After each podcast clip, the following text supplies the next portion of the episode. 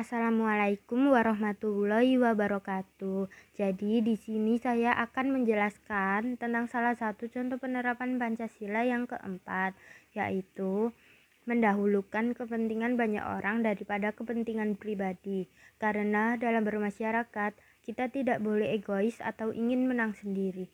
Jadi, saat ingin mengambil suatu keputusan, lihatlah terlebih dahulu apakah itu akan baik untuk banyak orang atau tidak. Dengan begitu, masyarakat Indonesia akan rukun dan juga makmur. Kerakyatan yang dipimpin oleh hikmat kebijaksanaan dalam bermusyawaratan perwakilan adalah bunyi dari sila keempat Pancasila. Makna dari sila keempat ini adalah sebagai warga negara Indonesia, kita mempunyai kedudukan, hak, dan kewajiban yang sama. Walaupun memiliki hak masing-masing, kita sebaiknya juga harus memperhatikan kepentingan bersama.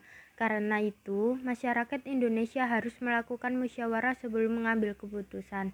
Hal ini dilakukan untuk menghargai pendapat satu sama lain. Selain itu, bermusyawarah juga membuat kita bisa menemukan jalan keluar yang baik dan adil untuk banyak orang.